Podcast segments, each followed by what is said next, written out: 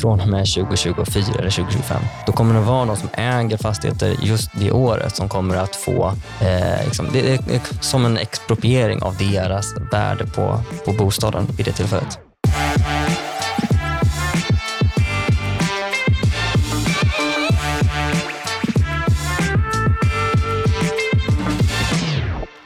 Du lyssnar på Ekonomerna med mig, John Norell och med mig har jag också Fredrik Kopsch. Hur står det till med dig idag? Idag är det alldeles fantastiskt. Mm, härligt att höra. Hur är det med dig? Jo, det är strålande. Det är det, det är det.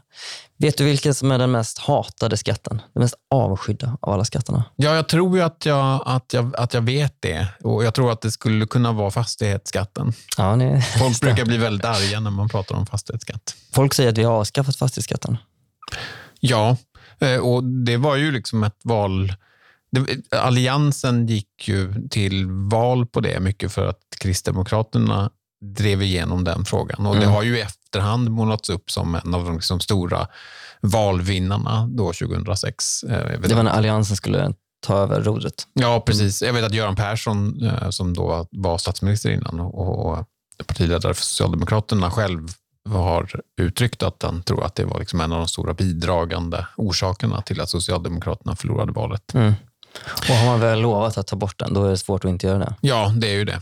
Men det som man gjorde då 2008 när fastighetsskatten försvann, det var att man tog bort den tidigare fastighetsskatten som var 1 procent av taxeringsvärde och ersatte den med vad man kallar för en kommunal fastighetsavgift som är 0,75 procent av taxeringsvärde, men endast upp till ett, ett tak på taxeringsvärdet som från början var 800 000 kronor. Okej, okay. men eh, vad är taxeringsvärde? Eh, taxeringsvärdet är något som, som eh, Skatteverket räknar fram eh, och använder för, för taxering. Det baseras på eh, då historiska eh, transaktionspriser där, där eh, bostäder eller fastigheter generellt har, har sålts. Eh, och så uppskattar man då att genom en liksom hedonisk modell uppskattar man ett, ett, um, ett marknadsvärde och så tar man 75 procent av det uppskattade marknadsvärdet och det är taxeringsvärde. Du använder många ord för att säga tre fjärdedelar av marknadsvärdet. Ja, ja. precis. Um, och Det var det vi hade då innan 2008.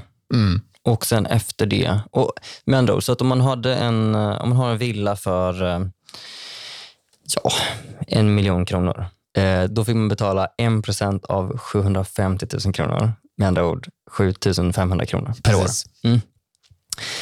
Och sen då så avskaffades den fastighetsskatten och så infördes den kommunala fastighetsavgiften. Och då fick man betala lite mindre. Det man gjorde var att man sänkte skattesatsen från 1% till 0,75 procent. Men man satte också ett tak på hur högt taxeringsvärdet fick vara innan, innan man inte längre betalar mer skatt. Mm. Eh, och Det satte man vid 800 000 kronor. Så som mest då, så hur mycket kunde man få betala? Så som mest så blev då den kommunala fastighetsavgiften från början 6 000 kronor per år, alltså 0,75 procent av 800 000 kronor. Med andra ord, ehm, alla fick en liten skattesänkning men eh, den som ägde en, en villa som var värd 8 miljoner kronor, de fick en rejäl skattesänkning eh, från 80 000 till 6 000 kronor medan de som ägde en, en lägenhet som var värd 800 000 kronor, de fick en, en skattesänkning från 8 000 till 6 000. 6 000. Ja, så det blev ju ganska stora regionala skillnader. Då. De här mm. husen som har Eh, eller fastigheter som har höga taxeringsvärden. Ja, de finns ju framför allt i, i Stockholm. Sen finns det ju andra delar av landet där det, där det finns eh, där det finns eh, bostadsfastigheter eller då för småhus helt enkelt som, mm. har, som kommer upp i så höga taxeringsvärden. Men varför, varför gör vi den här distinktionen mellan liksom, skatt och avgift? Är det bara för att liksom, medborgarna hatade ordet skatt eller fastighetsskatt? Liksom? Eller fanns det någon liksom, poäng med att man kallade det för en kommunal äh, skatt, äh, fastighetsavgift istället? Ja, det är nog inte omöjligt. Man använder ju ordet avgift oftast som att man får någonting i gengäld när man betalar en avgift. Och, mm. skatt som man, ja, då får man liksom ingenting direkt i gengäld för att, för att man betalar även om du finansierar offentlig service. Eh, så här handlar det nog om att man har man bytt namn till någonting som inte är lika eh, av, avskytt. ja. Eh, och så har man lagt till liksom begreppet kommunal, så den är, den liksom, det är en kommunal fastighetsavgift, men den är ju inte... Men går den till kommunerna? Den, den, staten tar in den kommunala fastighets fastighetsavgiften. Och kommunerna har ju ingen möjlighet att sätta, det finns ju liksom ingen diversifiering i den, den kommunala fastighetsavgiften. Det där är ju annars ett ganska eh, starkt argument och någonting som man ser i många andra länder. USA till exempel har, mm. ju, har ju lokala fastighetsskatter eh, mm. där man till exempel betalar för skolorna. Och då, då, det, det är ju liksom en, ett argument i skolsegregationsdebatten är att mm. ja, men där då fastigheterna blir väldigt väldigt dyra, då, då får man, bättre in, skolor. Då får man mm. bättre skolor och det i sig driver väl upp eh, fastighetspriser. Om, om skatten nu var så himla hatad från början, varför, varför fanns den? Liksom? Ja, det finns ju flera argument för det. Ett av de, de uh, viktiga argumenten är att man, man vill försöka att hålla en uh, uh, likvärdig beskattning mellan olika typer av boendeformer. Och då tänker man sig en likvärdig beskattning mellan det ägda boendet å ena sidan och, och det hyrda boendet å andra sidan. Så okay. Om man tänker sig att den som hyr en bostad kommer ju inte att liksom använda sitt egna kapital att, att, att köpa en bostad med och liksom låsa kapitalet där, utan kan istället använda eh, sitt kapital och investera Mm, säg, alltså för, för att göra liksom exemplet enkelt, investera i ett fastighetsbolag. Så då liksom, ja, fastighetsmarknaden kommer utvecklas antingen har du pengarna låsta i en bostad på bostadsmarknaden eller i ett bostadsföretag och då kan vi tänka oss att pengarna utvecklas på ungefär samma sätt. Mm. När du då eh, investerar dina pengar i, i ett fastighetsbolag så kommer du få en avkastning. När du investerar dem i din egen bostad så kommer du också få en avkastning. Eh, vilket är den hyra du inte behöver betala för att du inte bor eh, i en hyresrätt. Mm. För att om jag bor i en hyresrätt då betalar jag liksom, eh, varje månad en, en, eh, hyra, en hyra till eh, hyres, hyresvärden. Och då betalar hyresvärden skatt på det. Mm. Alltså kapitalinkomstskatt, kanske bolagsskatt. Medan ifall jag äger mitt eget boende, då, om man inte har en fastighetsavgift, då behöver jag inte betala, om man nu tänker att det finns en, helt enkelt en, en en, en tänkt hyra som jag ger till mig själv, den här avkastningen som du pratar om, då, mm. eh, då behöver man inte betala någon skatt på det. Liksom. Och där är det tänkt att, att fastighetsskatten ska korrigera för den skatteskillnaden. Precis, och eh, nu fattar man, fattar man liksom varför så ekonomer kanske gillar det här. Liksom, att man vill att eh, skattesystemet ska vara, det ska vara logiskt och vi ska inte beskatta grejer. Alltså, vi vill inte snedvrida människors beteende. Vi vill inte att människor väljer att äga sina boenden istället för Eh, och ifall det kanske istället för att hyra, bara för att så politiker har valt att sätta en skatt på, på det hyrda boendet. Liksom. Mm. Nej, och Det är det man, man då kan förvänta sig kommer att ske. Så att när, när det är skattemässigt gynnat med ägda bostäder, då kan vi förvänta oss att vi får, får eh, fler investeringar, allt annat lika, eh, i, i, eh, i just ägda bostäder framför, framför hyrda bostäder mm. på grund av skattesystemet. Eh, sen finns det ju massvis med andra saker som, som vrider på de här, eh, alltså möjligheten att investera i den ena marknaden eller den andra. Så till exempel eh, på den ägda marknaden har vi haft de senaste tio åren sett massvis med olika kapitalrestriktioner. Att man, mm. man, ja, amorteringskraven till exempel som, som har kommit på senare tid, vilket gör det svårare för människor att köpa bostäder och det är liksom, gynnar ju i så fall hyres hyresmarknaden. Men om man nu vill att det ska vara skatteneutralt mellan att äga sitt boende och hyra sitt boende, mm. varför kan man inte bara ta bort skatten på fastighetsbolag? Där, då har vi ju också en neutralitet mellan investeringar överhuvudtaget. Inte bara, man kan ju välja att investera pengar i fastighetsbolag och, och väldigt många andra bolag. Så tar vi bort skatten för hela sektorn i sig, ja, men då eh, kommer vi att styra pengar till bostadssektorn rent generellt. Förvisso jämnt mellan upplåtelseformerna. Mm. Men, eh, Istället för i andra företag? Och ja, ja, och då kan det, ju finnas, det kan ju finnas andra sektorer, eh, till exempel att bygga bilar som kan vara mer produktiva, dit vi egentligen önskar att kapitalet ska röra sig. Men om det är skattemässigt gynnsamt att investera pengarna i bostadsmarknaden istället, ja, då kommer folk att, att göra det. För några år sedan så, så hade ju Socialdemokraterna en tanke om att de skulle beskatta förmögenheter i större utsträckning. Man pratade om att man skulle lägga in, bland annat lägga in eh, bostäder i, eh, i något, något, som liknar ett liksom ISK, där man har liksom en samlad förmögenhet. Ehm, men i det här utspelet som Socialdemokraterna gjorde för några år sedan så ville de undanta bostäder från beskattning. Så man ville, man ville ha mm. någon typ av förmögenhetsskatt. Jag minns inte när det var, om det är två år sedan kanske. Men man vill undanta bostäder, vilket, skulle, vilket skulle spä på det här ännu mer. Så att man har liksom sänkt mm. skatten på, på ägda bostäder och nu vill man höja skatten på alla andra kapitaltillgångar. Ehm. Ja, det är ju precis. Eh, man vill ju att, att eh, de resurser i kapital som finns, att det ska gå till de mest liksom, produktiva sätten att investera dem. Mm. Och att eh, trycka ner dem i jorden, ja. i fastigheter och i eh, marken. Det är kanske inte nödvändigtvis det mest produktiva sättet och eh, då ska man inte så. Då ska inte finansministern hålla på och trixa med de här instrumenten. Nej, precis. Mm. Det är ju liksom det, ett av de stora argumenten eh, Ja, för att man ska ha en fastighetsskatt. Mm. Det är en av anledningarna till varför ekonomer älskar fastighetsskatt. Ja. Generellt kan man säga. Vad, eh, vad mer? Ja, ett av de andra också väldigt vanligt förekommande argumenten det är att, att det är en skatt som inte har så stora kostnader för samhället. Eh, om vi tänker oss skatter på arbetsinkomster, eh, eller vi kan börja med, liksom, för att göra det ännu tydligare, ta en skatt på alkohol eller skatt på tobak. Det brukar ju motiveras med att vi ska ha en hög skatt på alkohol, vi ska ha en hög skatt på tobak för att människor ska styras bort från att, att dricka alkohol och röka och snusa. Mm. Detsamma gäller med, med liksom skatt på, på arbetsinkomster där om man beskattar arbete högt så kommer man hålla människor borta från att, från att arbeta och det är negativt för samhället. Vi vill att folk ska jobba i större utsträckning. Men för fastigheter så är inte problemet lika stort eh, beroende på hur man utformar fastighetsskatten. Så den tidigare svenska fastighetsskatten som fanns, då, då beskattade man liksom 1 av, av taxeringsvärdet, vilket är liksom en del av marknadsvärdet, eh, på dels marken men också på byggnaden som står där. Och då finns det ju liksom, det snedvrider ju incitamenten något att underhålla beståndet. För om du mm. renoverar mm. ditt hus, om du sätter in ett finare kök, då stiger marknadsvärdet. Så får du högre skatt. Mm. Och så får du högre skatt.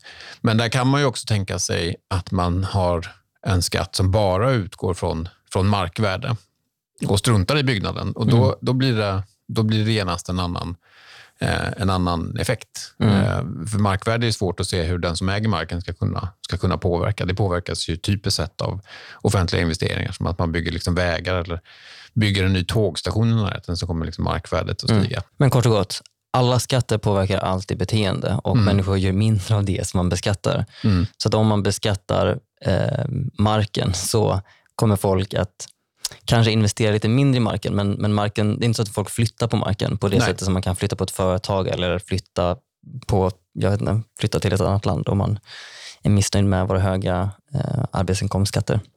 Nej, precis. Alltså man kan ju inte ta sitt hus och, och, och dra. Och man kan framförallt inte ta sin markplätt och dra. Eh, så, så det här argumentet brukar ju användas. Och då brukar man säga att ja, men det är bättre att vi höjer fastighetsskatten och så sänker vi eh, andra skadliga skatter. Mm. Eh, och mot det kan man ju mycket väl invända att eh, det är inte nödvändigtvis så att politiker, bara för att man höjer fastighetsskatten, kommer sänka skatter på arbetsinkomster. Utan det kan ju bli så att man bara höjer fastighetsskatten och så har man mer pengar att leka med. Precis, för att politiker vill ha pengar att göra av med. ja, ja, precis. Jag tror att Ingemar Ståhl som var professor i, i Lunds universitet, vid Lunds universitet för eh, många år sedan. Han brukade prata om, om dammsugarprincipen. Om det går att liksom suga upp skatt så gör man det. Mm. Okej, okay, men nu har vi ändå så, det här, är, det här är lite kort i alla fall varför ekonomer gillar fastighetsskatt. Mm. Varför är det nu så att väljarna hatar den här skatten? Ja, och där tror jag att, att det kan finnas olika, olika skäl. Men jag, jag tror att det, liksom, det största och absolut viktigaste är att det finns liksom inget kassaflöde att, uh, att betala skatten mm. med. Eh, när, man, när man betalar sin inkomstskatt, eh, ja då dels så sker ju det där eh, automatiskt och det tror jag inte att man ska underskatta. Så att min arbetsgivare betalar ju in min inkomstskatt och sen, sen ser jag ju det på min deklaration hur mycket jag betalade. Eh, det hade nog varit eh, Skatt på arbetsinkomster hade nog varit mer avskytt om du inte hade en arbetsgivare som betalade in det, så du fick liksom alla dina pengar. Mm. Eh, och en gång per år så skulle du betala in all skatt på arbetsinkomst. Eh, så det tror jag är liksom en viktig skillnad. Eh, när det kommer till fastighetsskatten så har du ju inga... Det man beskattar är ju, som jag har, har pratat om tidigare, en fiktiv hyra som du betalar till, till dig själv. själv. Det, det, finns liksom inga pengar. Du, du går inte och tar ut 10 000 kronor och, och ger till dig själv och säger att här, här får du. Tack så mycket. Precis. Så att, och, och givet då att det inte finns någon så eh, eh, osynlig hyra som man betalar till sig själv när man äger sitt boende, mm. så um, känns det då kanske orättvist att varför ska jag betala varför ska jag betala skatt på, en, på en, ett kassaflöde som inte finns? Ja, så det är ju liksom en sak och, och, det gör ju att det finns ju, det är lätt att hitta exempel och det gjorde man ju i debatten när man ville få bort den, så kan du hitta exempel på pensionärer som bor i, i, um, eh, ute i Stockholms skärgård till exempel, de har bott där hela sina liv. Eh, och här kommer man in på en annan, en annan poäng som gör att, att folk inte tycker om fastighetsskatten. Det är att man, man kan ju ha köpt en, ett hus för 30 år sedan och så har det helt plötsligt blivit så att det här området du har köpt ett hus har blivit väldigt mycket mer populärt. Stockholms skärgård är ju ett sånt exempel. Mm. Bara det faktum att dina grannar har varit mer villiga att betala för sina hus gör att, att din fastighetsskatt kommer att stiga väldigt mycket. Ja. Det tror jag att människor uppfattar som, som orättvist och det målade man ju upp mycket i, i debatten att det kan finnas hushåll som inte längre har råd att bo kvar i sina bostäder för att fastighetsskatten blir så hög. Mm. Men um, alltså var, det så på, alltså, var, det, var det så på riktigt att människor hade problem med liksom likviditet i att betala de här, den här fastighetsskatten? Nej, det fanns en inkomstbegränsning. Så att man, det, det var inte så att man tvingade människor ut från, från, från hus och hem, utan Nej. man begränsade det med inkomst. Och man skulle väl kunna bara så eh, alltså låna upp de pengarna på bostaden mm, för ja. att kunna betala skatten? Det kan man också ja. tänka sig. Alltså om du har om ditt hus har, har liksom stigit värde med 10 miljoner, du kommer få betala ganska mycket mer i, i fastighetsskatt, men du har också blivit 10 miljoner rikare. rikare så, det inte... ja, så då kan man helt enkelt bara låna upp de pengarna och betala de där skatterna mm. helt enkelt. Ja, och men, det, just det brukar ju göra folk vansinnigt arga, att man skulle eh, låna, låna, pengar för att betala skatt. Mm. Men um, den här principen om att så, vi ska betala löpande skatter för kapital, det gör vi inte för andra varor. Alltså, när man, har en, uh, man skulle kunna argumentera då att ja, men då borde man väl i så fall, om jag äger en bil, uh, ska jag betala skatt för, för den bilen som om jag hade leasat av mig själv? Eller Eh, om jag har en soffa hemma, att jag borde betala löpande skatt för, för eh, att jag hyr, hyr, som om jag hyrde soffan av mig själv? Ja, just det. Men jag tror att där är det liksom olika. Det är olika eh, jag tror att det är lätt att tänka sig den jämförelsen, men när du leasar en bil då är det ganska mycket värdeminskning som du betalar för när du leasar bilen. Eh, i, I det liksom... Eh, eh det är inte samma det är inte samma fiktiva eh, hyra som du, eh, som du ger, dig, ger dig själv. för det, i, i, i många sådana här fall så är det ju, om du köper en bil och sen säljer du den med vinst så, så ska du betala eh, skatt på den vinsten också. Mm. Det är bara att det händer ju väldigt, väldigt sällan att du köper en bil och att den blir mer värd eh, över tid. Ja, det här är sådana varor som de blir värdelösa ganska snabbt. Så, att, eh, ja, precis. så att principen kanske är korrekt, mm. men, men, eh, men bostäder skiljer sig från andra typer av kapitalvaror. Ja, jo, och i båda de här fallen så är det ju när du säljer din bostad eller om du säljer en bil med vinst så, så kommer du betala en, en uh, skatt på, på den kapitalvinsten. Mm. Skatten påverkar ju också priset på bostaden som du har nämnt. Att eh, när man då tog bort den här, eh, den här skatten så eh, var det vissa som fick, då, de, de, de, de fick då en, en skattereduktion eh, på ganska mycket pengar. Och Det gör ju att de här bostäderna blir mycket, mycket mer värda. Mm. Um, hur, um, alltså hur, hur mycket handlar det om? Liksom? Ja, det är svårt att göra sådana uppskattningar. De som har, har Eh, vid Uppsala universitet så gjordes det, det något försök att skatta vad priseffekten hade varit för, för ett antal år sedan. Och då, det man måste göra är att liksom jämföra en grupp som inte har fått en särskilt stor skattereduktion. Och det är ju då de som hade taxeringsvärde under 800 000 med en grupp som har fått en stor skattereduktion. Men då måste man också förutsätta att allting har, i avsaknad av att vi hade tagit bort fastighetsskatten så hade priserna utvecklats likadant i liksom avfolkningsorter med låga taxeringsvärden och expansiva orter med höga taxeringsvärden. Och det är ju inte alls säkert, så det är svårt att säga någonting om det där. Ehm, men man, man kan ju liksom...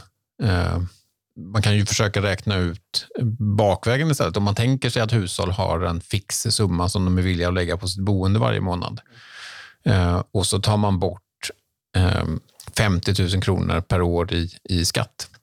Ja. Då kan du istället lägga eh, ganska mycket pengar på räntor och amorteringar, vilket gör att du kan ta ett större bostadslån och betala mer för, mer för, för ditt boende. Så jag tror att i många fall så är det ju betydande summor som, som det, det mycket väl kan ha handlat om. Ja. Men det är, det är ju svårt att... Man tog bort den svenska fastighetsskatten samtidigt som man hade en finansiell kris, en global finansiell kris. Jag tror mm. att det är mm. svårt att någonsin göra en, en bra uppskattning av exakt hur det där påverkade priserna. Dessutom tog man samtidigt bort, eller inte bort, man höjde för att finansiera att man tog bort den statliga fastighetsskatten och ersatte den med, med den kommunala fastighetsavgiften så höjde man också reavinstskatten på fastigheter från 20 till 22 procent. Vad är reavinstskatten? Eh, att man, när man säljer sin bostad och har gjort en vinst så får man betala skatt på den, mm. på den vinsten. Eh, och Det har ju också förstås, det kan ju ha en viss påverkan, inte nödvändigtvis lika mycket påverkan på priserna som att ta bort fastighetsskatten. Eh, Men det har definitivt en påverkan på hur mycket folk flyttar och det ger ju liksom en utbudseffekt. Färre människor flyttar, då finns det färre objekt till salu. Mm. Um, och det kan ju bara det driva upp priserna. Reavinstskatten är, det är en skatt på att flytta helt enkelt. Ja, det brukar kallas för flyttskatten. Ja, så om man flyttar ofta så får man betala mycket mer? Liksom. Mm. Ja. Om priserna har stigit. Ja, men, men givet så att, um, um, att priserna anpassar sig direkt när, när skatten införs så innebär ju det att även om vi tror, även om man så vi tänker oss att, att det, är ju, det här är nog en skatt som ska betalas varje år och att det är då en skatt som betalas av den som vid det tillfället äger bostaden. Så innebär det kort och gott att, att, att en, en fastighetsskatt, även om den ska betalas eh, varje år, så är det de som äger skatten just det året som den införs som betalar så att säga, hela summan. Därför att framtida ägare, visst, de kommer behöva betala de kommer behöva betala skatt varje år, men i gengäld så får de en, en, eh, ett lägre pris för bostaden som mm. är motsvarande egentligen hela skatten mm. i dess nuvärde. Liksom. Ja. Med andra ord, eh, att införa en, en, en, fastighetsskatt, om vi säger liksom från och med 2024 eller 2025, då kommer det vara de som äger fastigheter just det året som kommer att få Eh, liksom, det är som en expropriering av deras värde på, på bostaden vid det tillfället. Ja, precis. Och det, det blir ju, det är ju bara en omfördelning från, från hushållen som idag äger eh, fastigheter till, till staten. Mm. Precis som när man avskaffade då så var det en omfördelning åt, åt andra hållet. Det gav en, en, en liksom momentan prishöjning. Eh, och de som har köpt efteråt har betalat de högre priserna. Mm. Det gör det ju också väldigt svårt.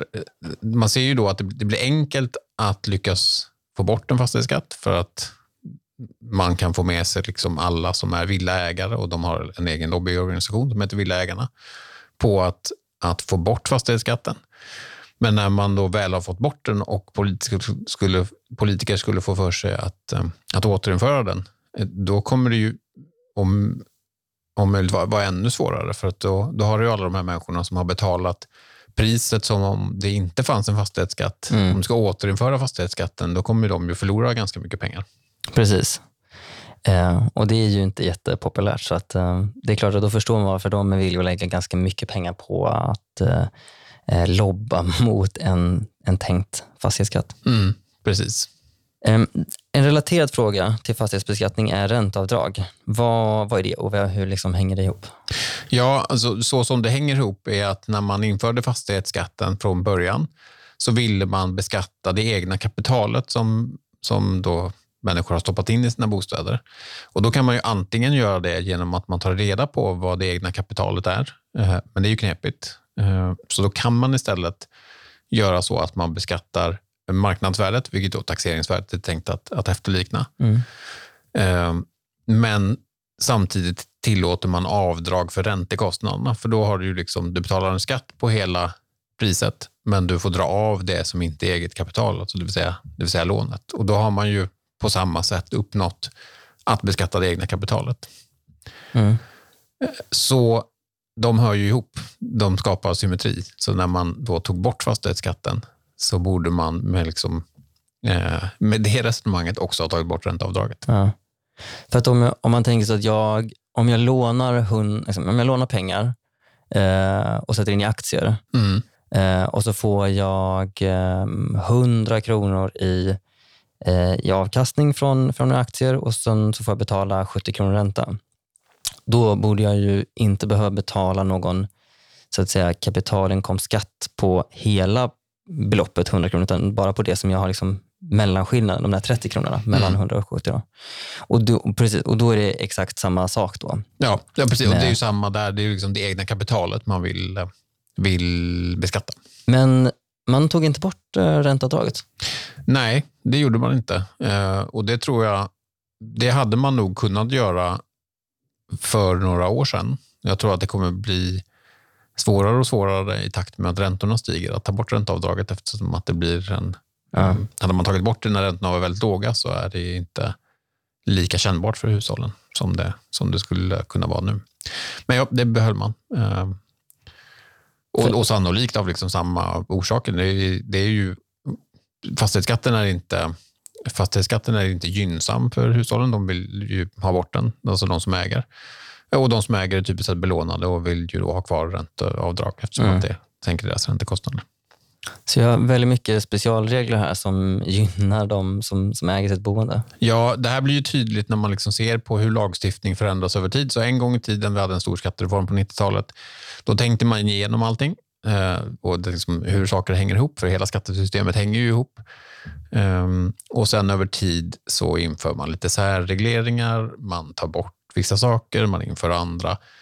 Eh, Men då är ju inte liksom helhetstänket nödvändigtvis där. Och just ränteavdragen och fastighetsskatten är ju ett typexempel på där eh, det är liksom två delar som, som är, tänkt att fungera gemensamt, men man har tagit bort den ena. Mm.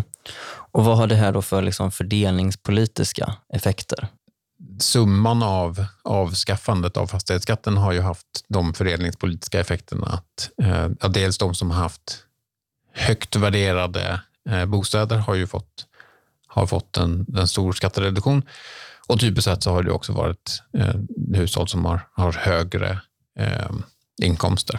Om jag minns rätt, i, i Åsa Hansson gjorde en sån studie för, för eh, några år sedan för Fores där hon tittade på olika inkomstdeciler och den lägsta decilen har, har fått, om det är 500 kronor som man har i genomsnitt sparat på att man har tagit bort fastighetsskatten. Den högsta decilen av inkomster har fått om det var 2 eller 3 000 kronor. Mm.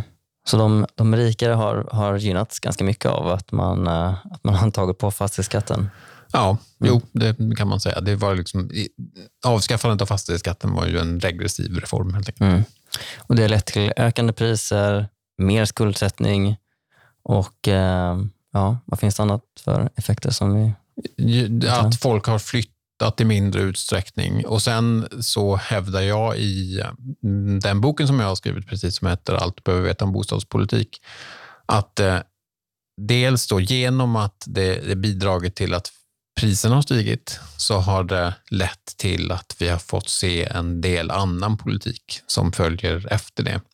Eh, och, och framför allt tänker jag då på kreditrestriktioner, att man infört ett bolånetak och man har infört amorteringskrav för att försöka hindra eh, hushållen från att skuldsätta sig för mycket i takt med att priserna stiger. Nu ska du springa iväg till eh, föräldramöte. Ja, det har jag tänkt. Eh, men ehm, din nya bok, Allt du behöver veta om, om bostadspolitik, Mhm. den eh, går att köpa. Den går att köpa och det kommer en lansering den 22 mars här på Timbro i Stockholm. Det ser jag väldigt mycket fram emot. Det ska bli roligt. Kan också tipsa om eh, eh, kapitlet om fastighetsskatter i Jakob Lundbergs bok Allt du behöver veta om skatter. Eh, för den som är nyfiken på att lära sig mer om fastighetsskatter. Tack för att du var med här idag, Fredrik. Tackar, tackar. Du har lyssnat på Ekonomerna med mig, John Norell. Om du gillade det här avsnittet, ge oss då gärna ett betyg i din poddapp och skriv en recension. Och tipsa gärna också om podden för dina vänner och bekanta. Följ oss även på sociala medier. Vi heter Ekonomerna podd på Twitter och Instagram. Ekonomerna det är en podd från Tankesmedjan Timbro och kommer ut på torsdagar. Tack för att du har lyssnat.